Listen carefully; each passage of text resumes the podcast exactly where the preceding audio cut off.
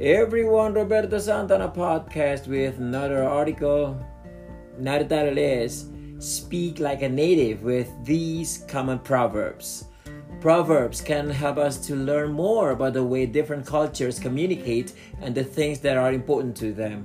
They might also make us think about the world around us, and using them correctly could make you sound like a native speaker.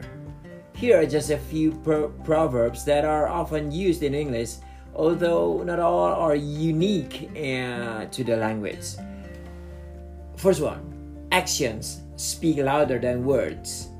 We can talk all day long about what we think or believe, but this proverb means that things you do are more important than they show more about who you really are. Don't judge a book by its cover we are often told that first impressions are important, but this proverb tells us that we should take time to look deeper before we make a judgment. The cover of a book does not always tell us very much about what the inside of the book will be like, just as the look of a person does not tell us everything about them. Next, every cloud has a silver lining. This is a hopeful proverb, but perhaps not always a true one.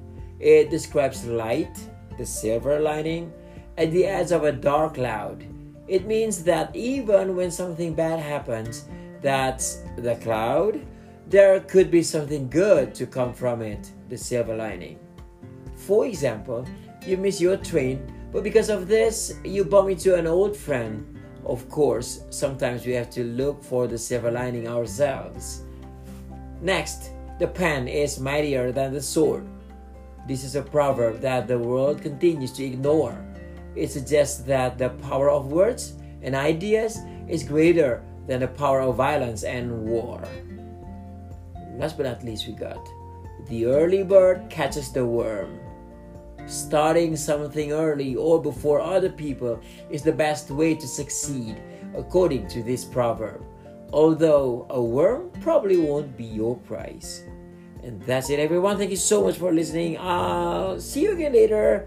Be healthy, be happy always, okay? Goodbye.